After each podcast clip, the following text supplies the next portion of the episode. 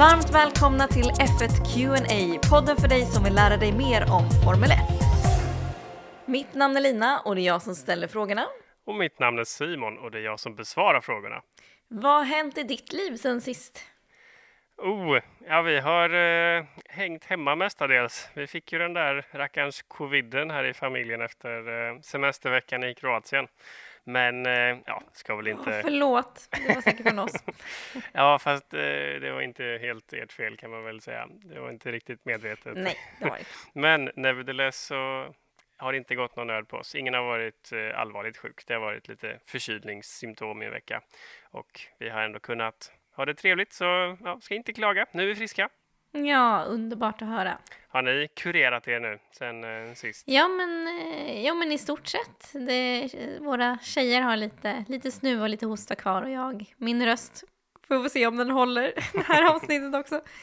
Eh, det var fint att du steppade upp förra gången i alla fall. Så se om du behöver göra det. Ställ frågor till dig själv.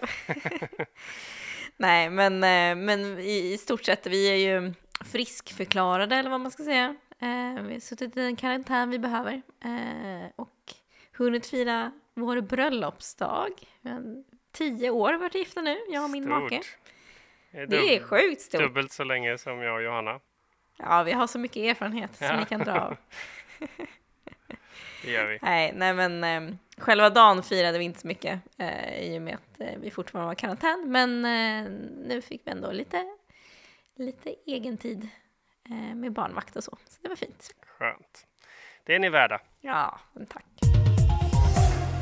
Men nu Simon, nu ska vi inte prata bröllop och covid, Nej. utan nu ska vi prata curbs och track limits. limits. Ja. Se om vi hittar något bra svenskt ord för det här. Eh, för det var ju väldigt massa snack om det här under racet i Red Bull Ring. Mm. Eh, så jag tycker att vi kan ta det från början. Vad kallas de här röda och vita delarna man ser på kurvorna? Ja, du har ju nästan svarat på din egen fråga här eh, i och med att du kallade avsnittet, eller att vi ska prata om curbs. Och de heter just curbs. Aha! Men eh, jag vet, jag har ändå varit på de flesta svenska racerbanor och kört på de flesta också och aldrig hört någon svensk person använda ett annat namn än curbs. Så jag vet inte om det finns ett svenskt ord. Så tills eh, någon av våra kära lyssnare skulle hjälpa oss och lära oss det svenska ordet så får vi kalla dem för curbs även här i Sverige. Då kallar vi dem för curbs i den här podden också helt enkelt. Ja. Fram tills dess. Men har de alltid samma färg? Alltså är de alltid vita och röda? Det är helt klart vanligast att de är rödvita, men, eh, men det kan variera och det finns liksom inte något krav på att de ska vara rödvita. Det är vanligast, men eh, några kända exempel är väl kanske Monza i Italien där F1 kör, där de har lagt till färgen grön, så de kör italienska flaggan på curbsen, eh, rödvit grön. Um, jag vet, både Austra Australien kör grön och vit medan Brasilien kör vit, grön och gul, så det är också lite som sin flagga. Och sen min favoritbana Spa i Belgien, där är det ju gult och rött. Så ja, det finns lite variationer, men rött och vitt är väl absolut vanligast. Vad är de här curbsen till för? Ja, men det är ju i grund och botten är det en säkerhetsfunktion egentligen som syftar till att göra det extremt tydligt för förarna vart bangränsen går. Eh, det är ju klart lättare att se någonting som är rött och vitt om vartannat som nästan blinkar i ögonen när man, när man kör kontra att det bara är svart på banan och sen kanske ett vitt streck eller svart och sen är det ett brunt grus eller någonting annat. Så det är en säkerhetsgräns för att visa vart bangränsen går helt enkelt. Och man separerar banan från whatever, whatever finns utanför, om det nu är annan asfalt eller gräs eller grus eller något annat. Och, eh, ja, man ser, har ju färgen där både för att man inte ska köra av banan men också som vi pratade om någon tidigare avsnitt om det här med Apex, att eh, man ska kunna se och träffa Apex i kurvan så bra, bra det bara går. Men finns det någon nackdel med att köra på dem eller någon risk? Ja, ja men alltså, man skulle ändå säga att det finns väl eh, lika mycket risker som fördelar att köra på dem, eh, om man nu kan säga så. Det är väl svårt att väga dem mot varandra, men det finns både eh, risker och fördelar. Um, så för det första så är det helt okej att köra på curbsen, bara så att alla är med på det. Um, och i, I regel så får man ju då köra med två hjul på curbsen. Eh, man får inte köra utanför banan med alla fyra hjul. Eh, och det såg vi ju som vi pratade om lite, som du nämnde i introt, att vi såg lite exempel på vad som händer om man kör utanför med alla fyra hjul på Red Bull Ring här senast. Men sen så är alla curbs lite olika. Ehm, de kan luta lite olika eh, då uppåt och de kan vara olika ojämna. Det finns olika typer av curbs och eh, Eh, kör man helt enkelt för mycket på vissa curbs så tappar man tid, antingen för att det studsar för mycket eller för att man tappar grepp. Ehm, eh, och å andra sidan då, om man kör för lite på curbsen så tappar man tid för att man inte utnyttjar möjligheten att göra kurvan rakare, så att säga. Att man liksom genar lite inom reglernas gränser på insidan och också då genar lite, eller man ska säga motsatsen till gena, men man kör lite utanför banan på utgången av kurvan. Och det gör ju att du kan hålla en lite högre fart genom kurvan. Så det gäller att hitta den där sweet spoten med att inte köra för mycket, inte köra för lite, för då kan det straffa sig åt ena eller andra hållet. Men största risken med att köra på curbsen är ju att tappa kontroll på bilen. Och det räcker nästan med att se på ett eller max två race, om man tittar efter det, så ser man att det är någon som tappar kontrollen på bilen på grund av att man tar för mycket curbs. Eller bara att curben får bilen att reagera på ett eh, sätt som man inte räknade med. Ehm, så det får ju ofta bilen att studsa till lite och då kan, man, kan saker och ting hända helt enkelt. Ja, för de här curbsen, de är alltså inte jämna. De är lite, liksom, vad ska man säga, inte gropiga, men Ja, men det, det varierar också. Inte men, släta? Ja, de är räfflade skulle man nästan kunna säga kanske. Eh, men som sagt så finns det olika typer av curbs, så att, eh, men eh, som är mer eller mindre jämna. Men finns det någon fördel med att köra på dem då? För det känns som att då borde man ju, även om man tar en bättre, rakare kurva, så saktar man väl ner ändå lite om de är räfflade? Ja, i, i regel så är de räfflade i en liksom lutning, så att säga. Så att ju längre in på curbsen du kör, ju mer räfflade är de så att säga. Så att därför så finns det någon form av, av sweet spot där du genar lagom men tappar tillräckligt lite, man ska säga, på grund av räffling, räffligheten. Så fördelen med dem det är att du kan, om du, om du tänker att an, an, alternativet är att köra helt på asfalten, så gör du kurvan lite mer rak, vilket gör att du kan köra snabbare igenom den. Okej. Okay. Ja, men det hänger jag med. Men finns det olika sorters curbs eller är det bara färgen som är olika? Ja, men det, det här är ju riktigt så här nörderi och det finns verkligen olika sorter, men det finns också olika nyanser kan man nästan säga inom, inom sorterna. så att det, det finns, eh, finns diverse. Men det som Eh, det finns till och med curbs som man kanske inte ens borde kalla som curbs, men man säger curbs till dem ändå, som bara är målade på asfalten, där det bara är en visuell sak.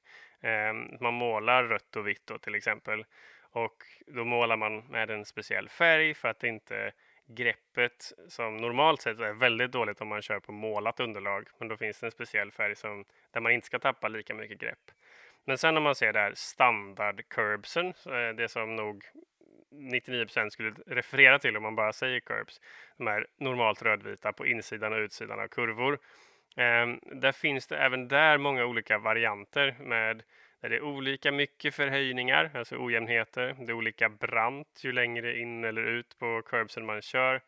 Ehm, men ehm, sen finns det också så här mer nischade curbs, eller man ska säga, som inte alls är lika vanliga. Man har scraping curbs kallas det för. De är ofta grönvita på de här banorna som har rödvita standardcurbs och, och sitter som utanför standardcurbsen.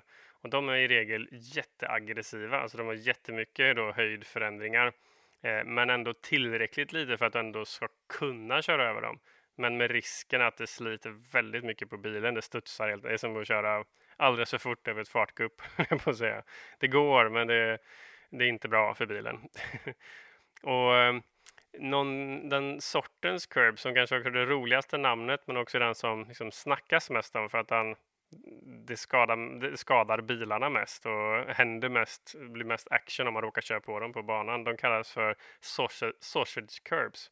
Dåligt uttal, men korv-curbs. det då kallar, curbs på svenska. Um, och de är väl snarare ganska exakt som fartgupp. Det är liksom en korv som ligger på banan. Uh, som en, uh, ja, en halv korv då.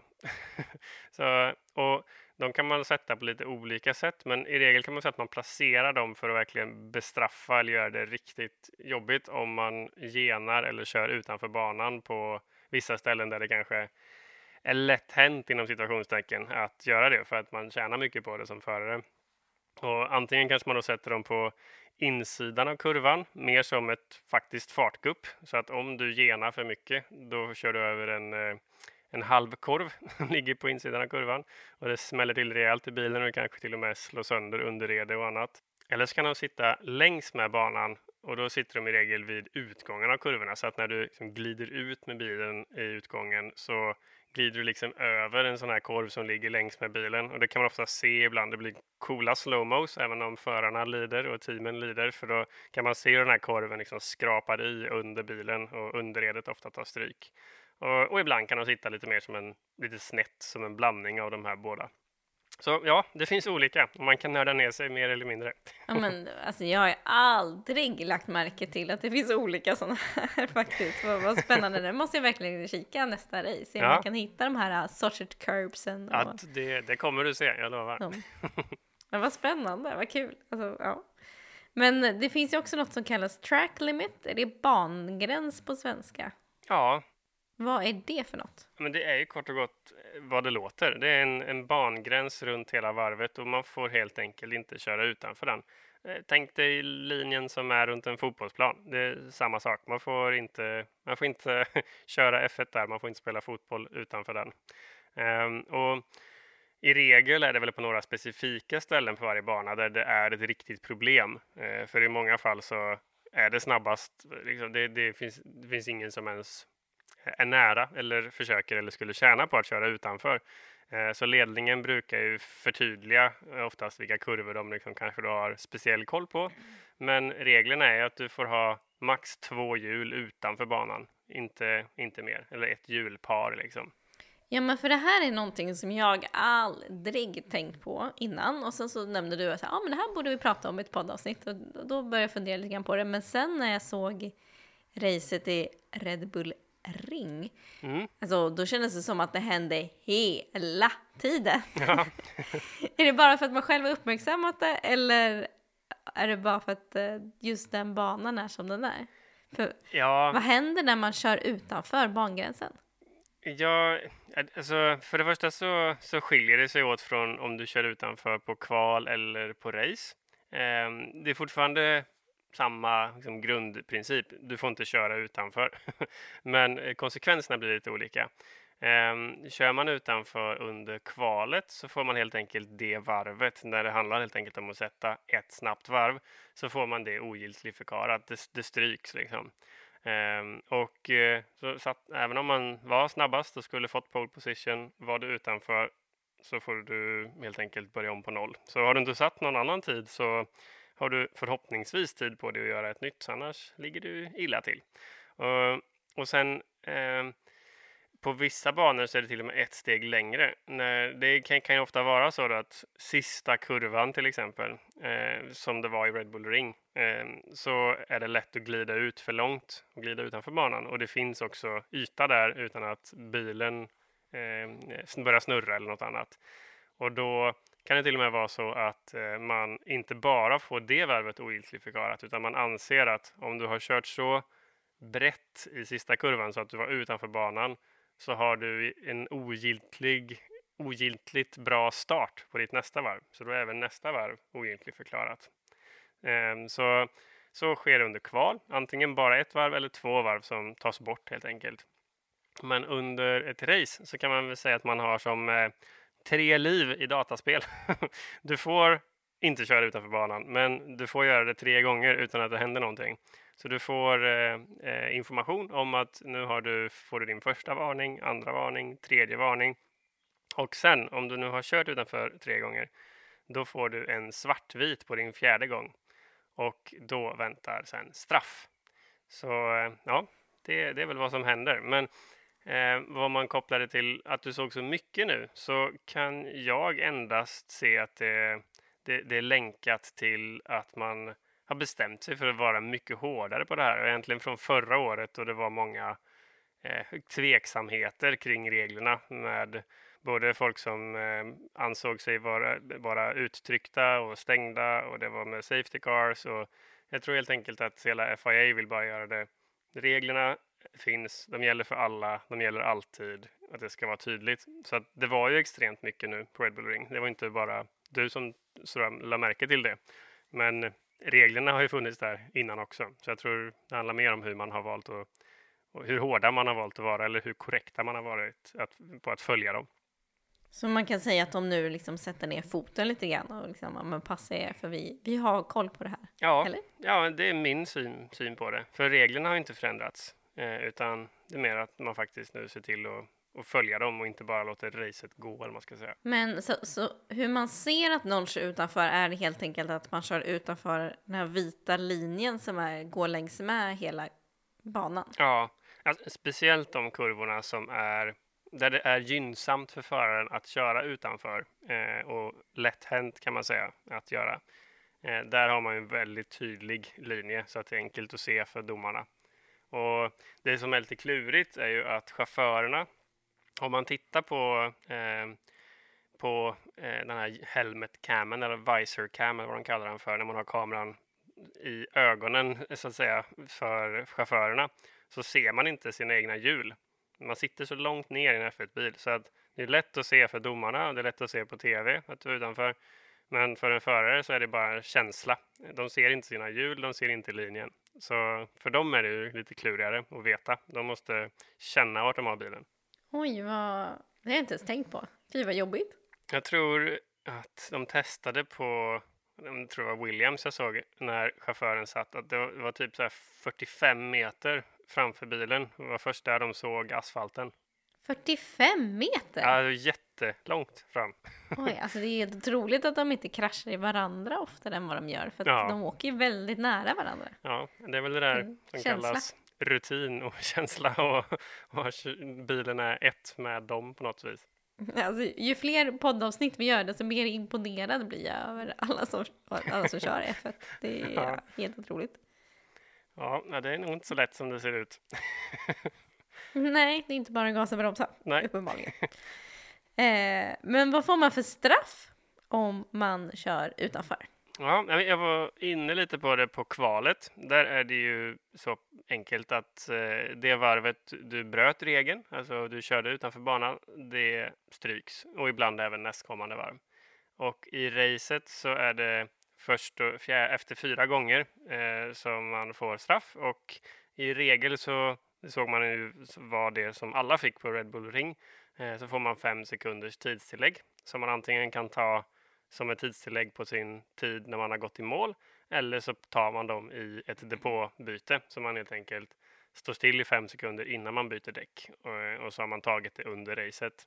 Men man kan egentligen enligt reglementet kan man få även 10 sekunder. Man kan få en drive-through. Så det är ju också upp till domarna att, att avgöra.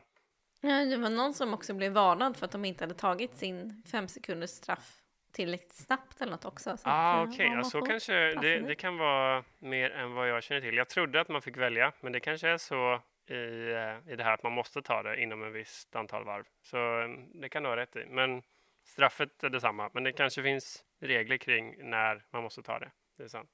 Ja, eller jag vet bara att det kom upp att de blev varnade för att de inte hade... Ja, men då låter det ju som att de inte hade alternativet och, och inte ta det och ta det på slutet istället. Så mm. då är det nog så. Kan vara värt att kolla upp. Ja. Men eh, ibland så ser man också att eh, bilar som kört utanför banan, alltså de har blivit prejade eller liksom varit tvungna att åka ut, mm. inte gjort det bara för att försöka köra så effektivt som möjligt. De kör liksom lite som slalom sen innan de åker in. Vad är det? Jaha, ja, det, det är i alla fall inte en bra genväg att ta. Men eh, eh, det finns helt enkelt vissa specialfall där man har gjort en, en avåkningszon av säkerhetsskäl Eh, men att om man bara skulle liksom åka ut på, på avåkningszonen som den är, om man till exempel råkar bromsa på sig eller vad det nu kan tänkas vara, eh, så är det skulle det bli ett problem i att du skulle tjäna så mycket.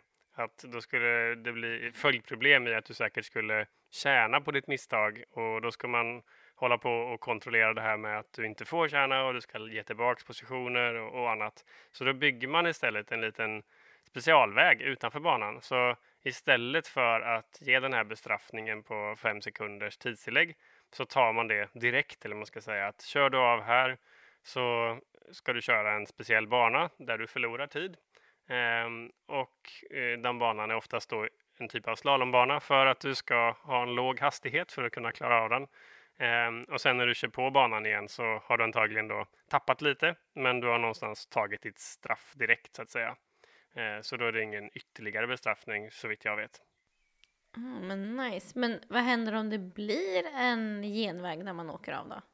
Att till exempel att man råkar, att man då kör förbi en annan förare? Ja, ja men enligt eh, FIAs regler så jag, jag, kollade upp faktiskt, även om det är en, eh, en egen, eh, säga, inte ord för ord översättning, men min egen översättning av officiella reglerna så står det ju att så här, om en bil skulle köra utanför banan så får man köra tillbaks igen. Men att det måste dels ske på ett säkert sätt när man kör in på banan och man får absolut inte tjäna någon fördel.